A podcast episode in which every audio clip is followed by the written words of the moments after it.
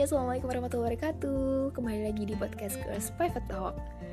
Teman-teman semua, selamat lebaran ya. Mohon maaf atas segala kesalahan Isna selama ini Khususnya selama menjadi host di podcast ini. Semoga amal ibadah kita di bulan Ramadan kemarin diterima oleh Allah, dilipat gandakan pahalanya, dan semoga kita bisa menjadi pribadi yang jauh lebih baik lagi dari sebelumnya. Taqabbalallahu minna wa minkum, taqabbal ya karim. Amin, amin ya robbal alamin. By the way, pada kesempatan kali ini kita menghadirkan salah satu narasumber yang dia adalah teman dekat Isna, teman kontrakan Isna selama 3 tahun ini. Enggak 3 tahun ini sih, 3 tahun yang lalu. Sebenarnya kita cuma mau ngobrolin tentang kontrakan versus kosan. Cuman karena dia memiliki kisah unik untuk menerima apa-apa yang dia harus terima, dia menjadi bersyukur sekali atas segala hikmah yang terjadi dalam hidupnya. Mau tahu kelanjutannya? Yuk simak yuk, unik banget kok. Semoga bermanfaat ya. Selamat mendengarkan.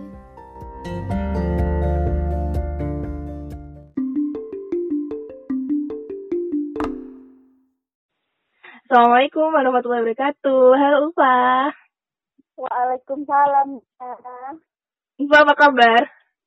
Alhamdulillah baik, Nak. Wah. Kamu di mana? Ini lagi di rumah. Kamu di rumah? Sama di rumah juga. Wah, kenalin nih guys, teman-teman. Jadi Ulfa nih dulu pernah kontrak bareng ya, Fa? Iya, Berapa lama? satu barang Berapa lama dulu tuh kita kontrak bareng? Hampir hampir tiga tahunan kayaknya ya. Tiga tahun. Terus di Jogja kamu berapa lama? Di Jogja hampir empat tahun. berarti. Hampir empat tahun. Berarti setahunnya tuh ngekos ya? Iya. Oke, berarti Awal- jadi pernah Mm-mm. pernah jadi anak kosan, pernah jadi anak kontrakan juga dong. Eh, Oke oke.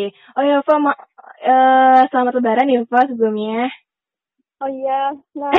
Minal aidin. Iya. Eh, eh, Iya mohon maaf juga buat semua teman-teman pendengar kalau selama ini banyak salah banyak kata. Ya iya. semoga amal ibadah Maaf. kita eh, sebelumnya itu benar-benar diterima sama Allah. Amin. Amin. Iya. Oke langsung aja ke pembahasan eh, kita yang utama ya. Iya. Fa, Iya. Kamu kan pernah jadi anak kosan, pernah jadi anak kontrakan juga. Gimana sih, Pak, rasanya jadi anak kosan, terus jadi anak kontrakan, gimana suka dukanya, lebih enak mana, gitu. Kalau aku pribadi sih, Nak, kayak lebih nyaman jadi anak kontrakan. Kayak Hmm. gitu.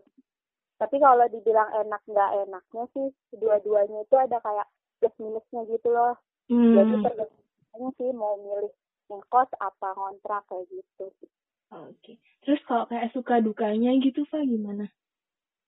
Kalau suka dukanya sih ada, ya itu tadi ada plus minusnya. Kalau kosan Hmm. itu, kan kalau kosan itu kita cuman kayak punya space kamar sama kamar tidur doang. Nah, kalau Mm-mm. kontrakan itu kita punya space nggak cuman kamar tidur sama kamar mandi doang, tapi ada Mm-mm. kayak dapur, ruang tamu, ruang teras dan itu tuh semua jadi kayak tanggung jawab kita gitu loh. Tapi kalau kosan kan tanggung jawab kita ya cuman kamar sama kamar tidur kayak gitu. Jadi kayak belajar tanggung jawab sama rumah yang kita tinggalin kayak gitu. Iya sih, benar juga. Oh ya, ju- juga buat sekedar info, eh, kita tuh bertiga ya, Pak, dulu. Iya, bareng Hmm. Lafe. Nah, kebetulan aku, Ulfa, sama Lavi ini sama-sama beda daerah semua. Aku dari Iya. Jawa. Terus kamu dari mana, Fa? dari Kalimantan dan Lave dari Sumatera ya. Heeh, Sumateranya Palembang. Tapi kita satu kelas ya. Iya, kita satu kelas. Nah, bersyukurnya satu kontrakan bareng satu kelas. Nah, kamu enak nggak sih, Fa, ketemunya aku Lave, aku Lave terus? Gimana? Kamu ngerasa enak nggak sih, Fa, kesel setiap hari ketemunya aku Lave, aku. Lave? Nggak. Enak sih, cuman kadang-kadang butuh kayak waktu me time. Nah, ini kadang-kadang Oh. kalau kalau aku pribadi kan dulu pernah ngekos kan. Nah, Mm-mm. kalau waktu ngekos itu kayak ngerasa waktu me time-nya lebih banyak. Tapi Ah. kalau pas udah kontrak waktu me time-nya itu kurang gitu jadi lebih banyak kita quality time bareng teman kontrakan kayak gitu Hmm, gitu. Tapi dengan kita yang beda daerah nih, gimana tuh, Fah? Kamu harus adaptasi dengan orang yang benar-benar beda kebiasaan sama kamu, terus beda sifat, beda watak. Kamu pernah merasakan apa nggak sih? Coba diceritain nih ke teman-teman yang belum pernah ngerasain kontrakan. sebenarnya sih kalau kita kos satu kosan apa satu Kontrakan, kontrakan beda daerah itu kayak gimana ya jadi kayak kadang-kadang itu cara penyampaian sama komunikasi yang kadang-kadang itu berbeda gitu loh Hmm. kadang misal contoh ya misalnya aku di daerahku bilang misal ini contoh aja ya jadi kayak aku bilang "Ih, nggak mau kayak gitu di daerahku itu mungkin biasa aja tapi kita nggak tahu di daerah di daerah mereka entah di Sumatera di Jawa menurut mereka itu sesuatu hal yang ibaratnya kayak bikin kesinggung gitu kan kita itu kadang-kadang nggak pernah tahu kan kayak gitu Heeh. Nah, nah itu yang kadang-kadang jadi miskom dan akhirnya itu jadi hal-hal kecil malah jadi masalah itu. Beda sama kalau kosan ya. Iya, kalau kalau kosan itu kita kayak interaksi sama teman kosan itu kan lebih kurang intens gitu. Nah, kalau Hmm. uh, sama teman kontrakan tuh hampir dari bangun tidur sampai tidur lagi tuh bener-bener yang ngobrol, apa-apa harus diobrolin kayak gitu. Eh, jadi lebih nyaman kontrakan atau kosan? Kontrakan ya tadi.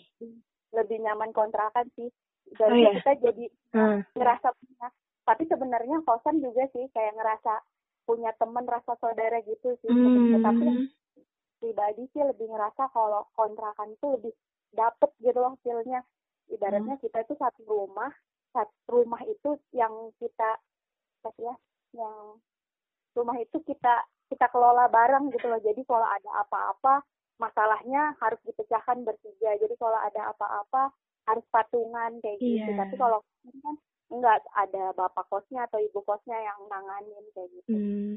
Terus gimana sih buat ngadepin teman-teman yang beda daerah tadi, Pak? Kalau menurut kamu pribadi? kalau aku pribadi sih kayak Mm-mm.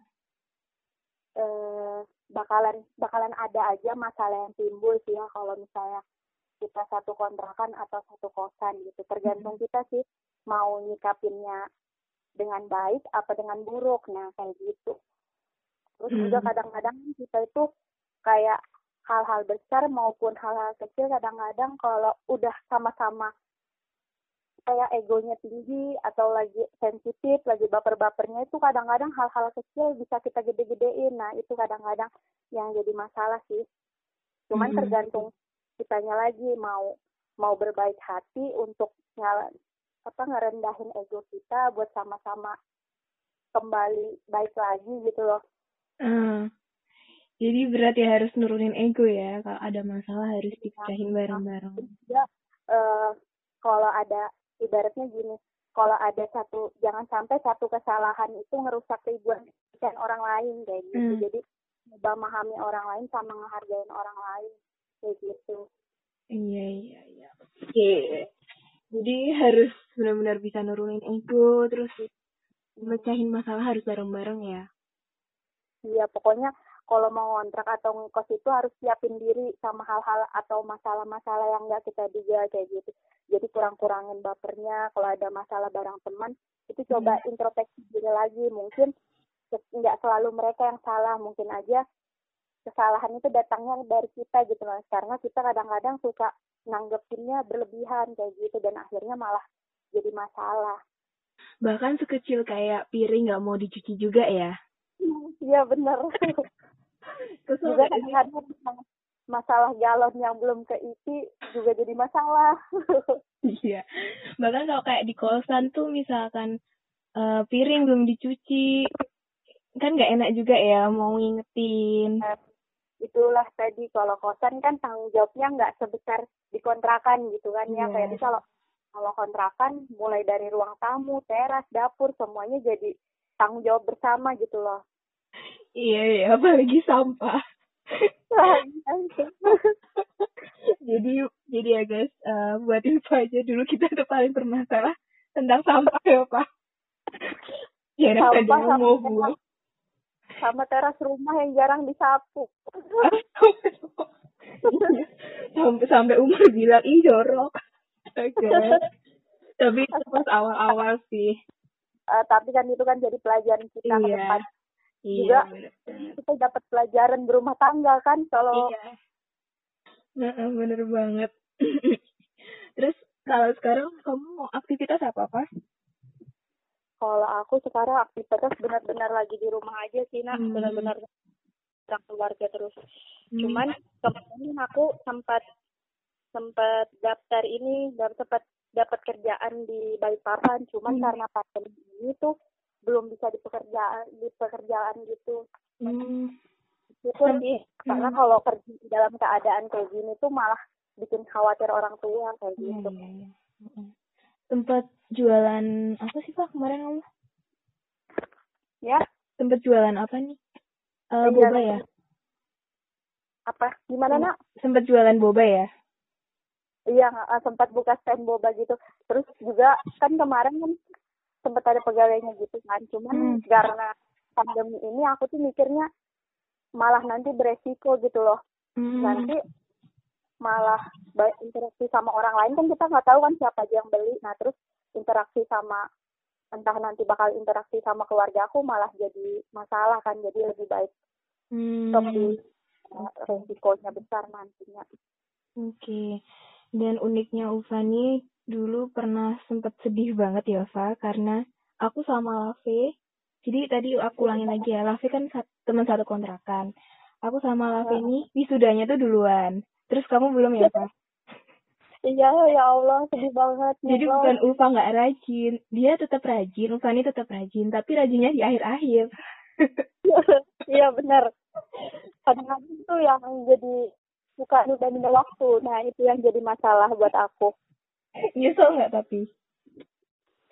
Sebenarnya kalau nyesel sih nggak ada yang perlu disesalin sih. Jadi semua yang terjadi tuh bakalan jadi sesuatu yang bakal kamu rindukan di ke depan nanti gitu. Juga harus jadi pelajaran sih kalau buat aku. Hmm. Jadi aku tuh sekarang itu coba ngerasa kalau apa pun yang sama aku hari ini Mm-mm. syukurin aja itu pasti bakalan ada titik di mana aku bilang ya Allah terima kasih sudah kasih aku kayak gini kalau aku kemungkinan ya kalau aku nggak kayak gini aku nggak bakal jadi kayak gini gitu loh Kalau waktu itu kamu cerita, kamu juga bersyukur karena setelah itu kenal sama Mbak Flo ya? nah iya benar itu salah satu yang aku syukurin banget ya Allah juga juga satu nak kita bisa ikut kajian Muslim United kemarin Oh itu iya. aku cukup banget dari dulu kan ya dengerin ceramahnya Ustadz Hanan Ataki, Ustadz Felix, satu lagi Hawariun. udah jangan dibilang, itu udah jadi suami orang. Iya, alhamdulillah ya sudah berjodoh. Mm-mm.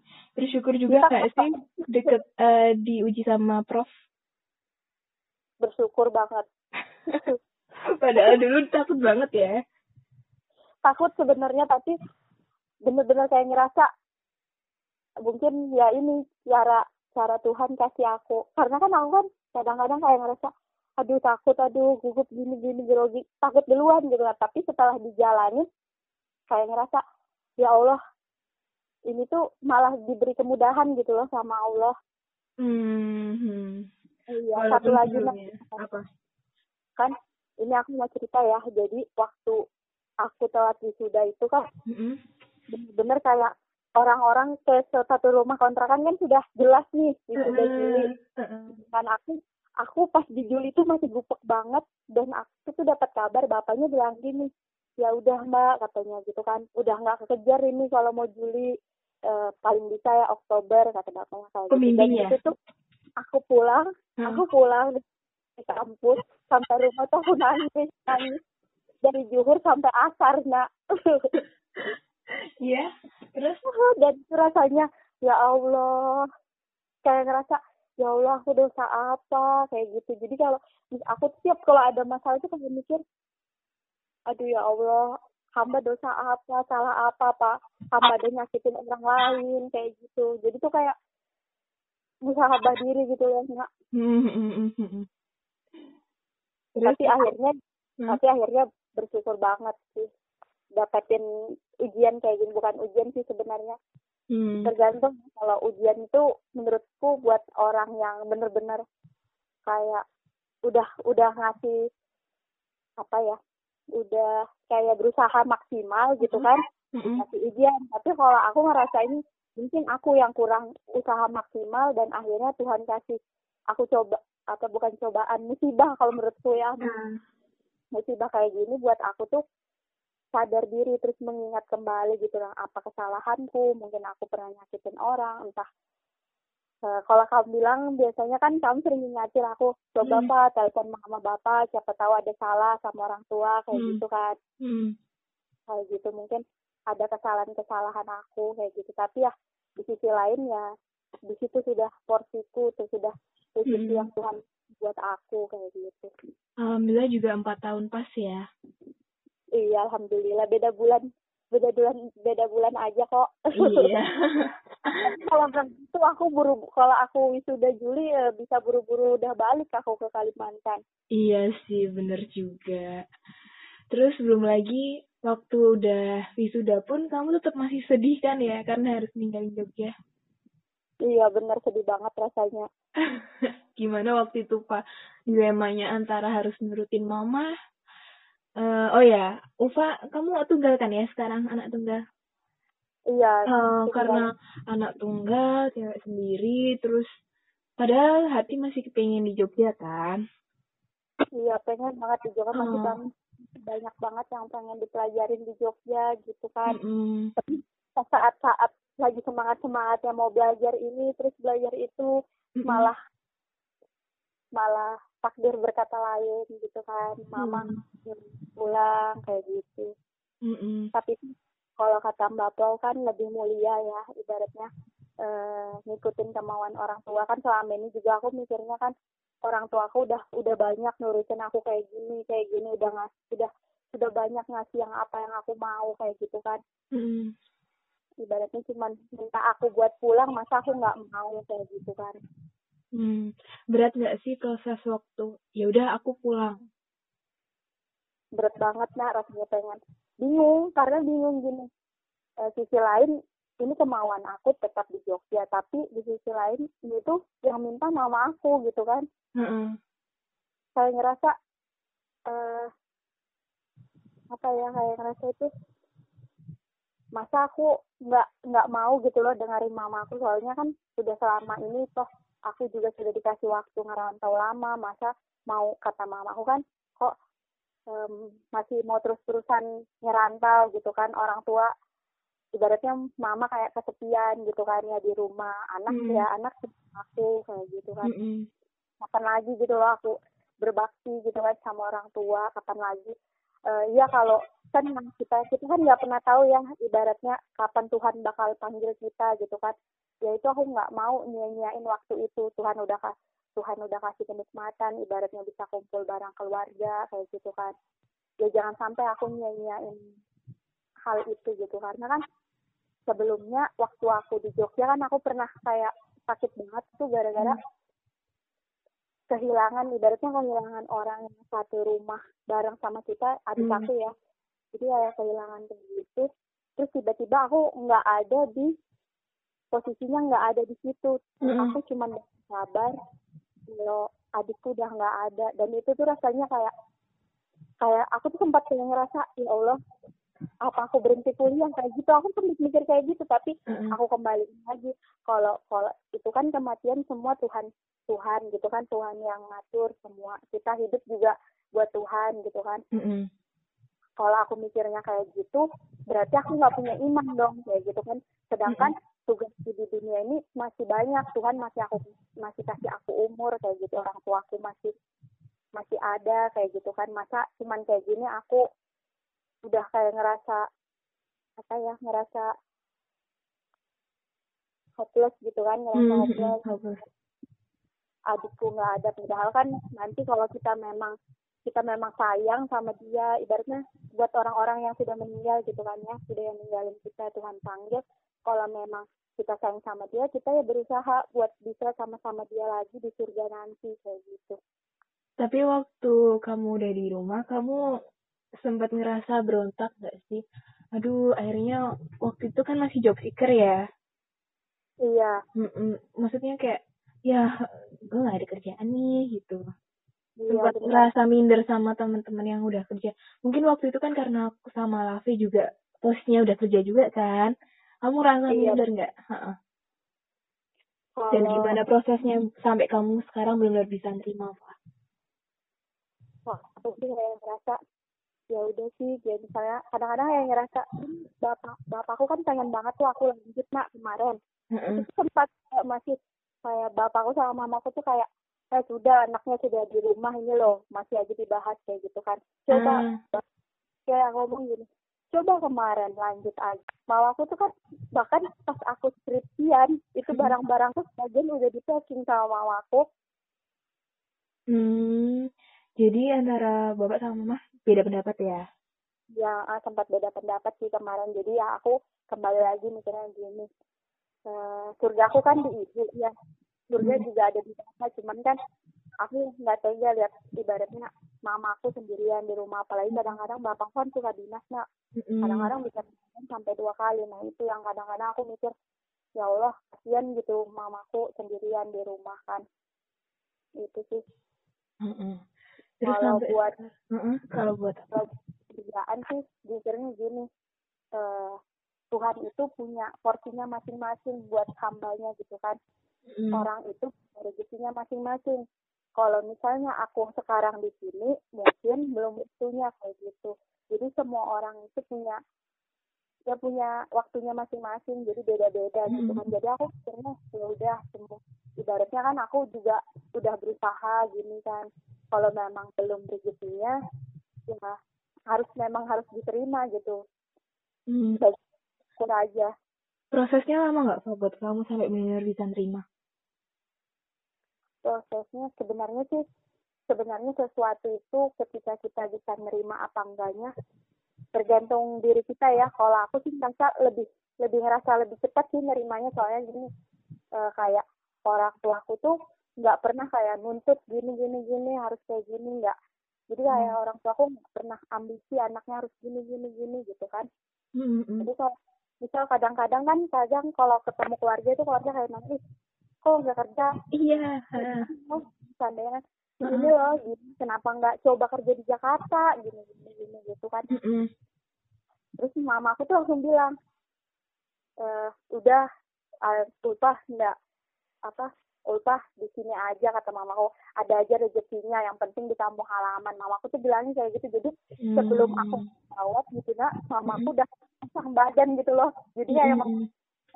ngerasa oh ini kasihan anaknya nggak ditanyain kayak gini kayak, kayak ditanyain gitu jadi kayak mamaku juga ngebantu aku gitu loh buat nerima semuanya Hmm, jadi yang penting ngikutin kata orang tua dulu, pasti nanti ada jalannya ya. Iya, benar banget karena Hmm. ridho ridho Allah itu ada di ridho ibumu ridho orang tua juga Bahkan kamu sampai akhirnya kemarin-kemarin sempat umroh ya, Pak? Iya alhamdulillah. Nah itu mungkin mungkin rezeki rezeki Tuhan gitu kan ya. Ibaratnya aku udah nurutin kemauan mamaku bukan sebenarnya bukan karena merasa aku udah nurutin mama terus Tuhan kasih rezeki kayak gini ya enggak sih. Cuman kayak ngerasa eh, sesuatu yang terjadi kemarin itu insya Allah di ke depannya ada sesuatu yang lebih lebih baik lagi atau lebih yang bakal bikin kita tuh sampai ya Allah terima kasih.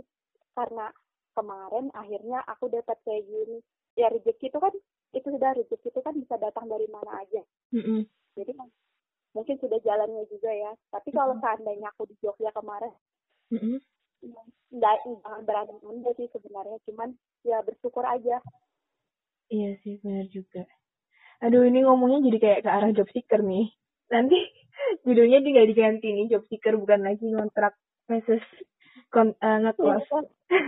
oh iya kembali lagi ke kosan Enggak apa, tapi tadi ada dua poin yang menarik ya. Pokoknya tentang antara ngekos dan kontrakan. Dan yang kedua tentang job seeker. Aku mau dong Pak pesan kamu buat teman-teman yang mendengarkan. Yang pertama tentang ngekos sama ngontrak. Eh, tips dari kamu buat pilih. Mungkin nih di sini ada teman-teman yang uh, lagi mau milih antara ngekos atau ngontrak ya. Kira-kira menurutmu baiknya gimana? Nah, kalau menurutku sih ya, kayak, kalau buat teman-teman yang mau ngontrak atau ngekos itu, mm -hmm. apalagi yang baru mau ngerantau nih ya, mm -hmm. kalau mau baru baru mau ngerantau atau baru baru maba gitu ya di Jogja, mm -hmm. aku sih ngekos dulu, jadi nanti seiring berjalannya waktu bakalan ketemu teman teman entah teman kelas entah teman kuliah yang bakalan mau kontrak bareng kayak gitu. Lebih saranin sih bareng teman kelas karena kan kita tuh kadang-kadang punya jadwal yang sama gitu kan jadi kadang-kadang bisa sama-sama ngingetin kayak gitu. Mm-hmm. terus nggak masalah beda daerah. Justru bakalan lebih banyak pengalaman yang kita dapat dari mereka iya benar.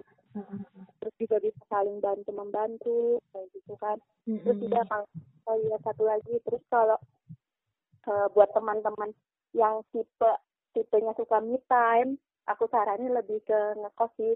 Tapi kalau buat teman-teman yang nggak masalah waktu me time-nya keganggu mm-hmm. mendingan nyantar aja kayak gitu. Oh iya soalnya kadang misalkan kamu lagi nggak ada tamu aku yang ada tamu. Kita berdua nggak nah, ada tamu Lave yang ada tamu gitu ya? Nah kayak gitu. Kadang-kadang kita lagi me time uh-uh. uh, jadi quality time gitu loh kadang-kadang uh-uh. karena kalau misalnya ngontrak itu teman lebih lebih mudah ngejangkau buat ngetokin kamar kita gitu daripada kalau ngekos. Iya iya benar kadang diusilin gitu ya. Nah, kadang tiba-tiba masuk gitu kan ya lagi di time gitu. Terus kalau balik lagi tadi yang ke arah topik job seeker. Uh, pesan dari kamu buat temen-temen yang sampai sekarang belum bisa nerima mungkin. Aduh aku kok sampai sekarang masih job seeker ya padahal lulus udah sekian tahun yang lalu. Aku padahal mungkin belum bisa nerima. Mungkin pesan dari kamu gimana tuh sampai biar bisa nerima gitu. Kalau aku sih dari semua yang sudah aku lewatin sekarang mm-hmm. pelajaran yang bisa diambil itu ya apa yang kamu inginin hari ini belum tentu jadi hal yang kamu butuhkan nanti gitu. Jadi Allah itu tahu apa yang terbaik bagi hambanya. Jadi kalau ada yang tidak sesuai dengan keinginanmu atau enggak sesuai sama rencanamu, bersabar, bersyukur, pasti nanti Allah kasih yang jauh lebih baik dari apa yang kamu inginin. Nanti akan ada titik kamu bakalan berucap terima kasih ya Allah atas apa yang kau rencanakan dulu untukku. Kayak gitu. Jadi intinya terus bersyukur aja apa yang terjadi hari ini karena apa yang terjadi hari ini itu adalah hal yang bakalan kamu rindukan di nanti kayak gitu. Pokoknya tetap semangat. Pas rezeki itu nggak bakal ketukar kok. Insya iya. Allah kita minta sama Allah minta terus minta terus jangan berhenti buat minta. Bakalan Tuhan bakalan Allah kasih gitu. Oke, makasih Pak banyak banget cerita yang bisa diambil hikmahnya. Alhamdulillah. Maaf ya teman-teman. Iya. Ngomongnya spontan. Masih ada yang mau disampaikan, Pak? Sampaikan apa ini? Uh, mungkin ada pesan lagi yang mau disampaikan buat teman-teman. Pokoknya buat teman-teman belajar belajarlah menerima uh, apa yang sudah Tuhan kasih kayak gitu belajar belajar bersyukur sama rezeki yang Tuhan kasih kayak gitu. Nggak jangan nggak usah banding bandingin nggak usah banding bandingin hidup hidupmu sama hidup orang lain. Kayak gitu karena setiap orang punya waktunya masing-masing punya porsinya masing-masing punya rezekinya masing-masing. Uh, hidup itu sebenarnya mudah. Yang rumit itu terkadang keinginan kita sama kayak uh, kita tuh kadang-kadang suka kayak ngerasa hidup hidup itu apa kata orang gitu loh. Nah. Kadang ngerasa aduh kalau aku kayak gini nanti mereka bilang apa ya? Aduh kayak gini kayak gini kayak gitu. Udah nggak usah mikir kayak gitu selama kita masih di jalan Allah ibaratnya nggak ngerugiin orang lain tetap tetap bisa bermanfaat bagi orang lain kenapa enggak gitu kan? Jadi nggak usah kayak insecure gitu sama diri sendiri gitu kan. Percaya aja kalau Tuhan tuh bakalan kasih rezeki yang terbaik buat kita. Bersyukur intinya. Oke, siapa? Terima kasih, Pak. Masya Allah, dan barakallah. Alhamdulillah. Jazakillah khairan ya, ya, Ufa. Iya. Wah. Oke, Ufa. Terima kasih sekali lagi. Assalamualaikum. Iya. Waalaikumsalam warahmatullahi wabarakatuh. Semoga bermanfaat ya teman-teman. Amin. Stay safe ya, Fa. Ya, stay and healthy Nina sama keluarga. Sehat Iya. terus ya. Nah, sama keluarganya semua sehat. Cepat berakhir pandeminya biar kita bisa melakukan aktivitas kembali. Terus aku juga bisa kerja. Amin, amin. Bye Nova. Bye bye.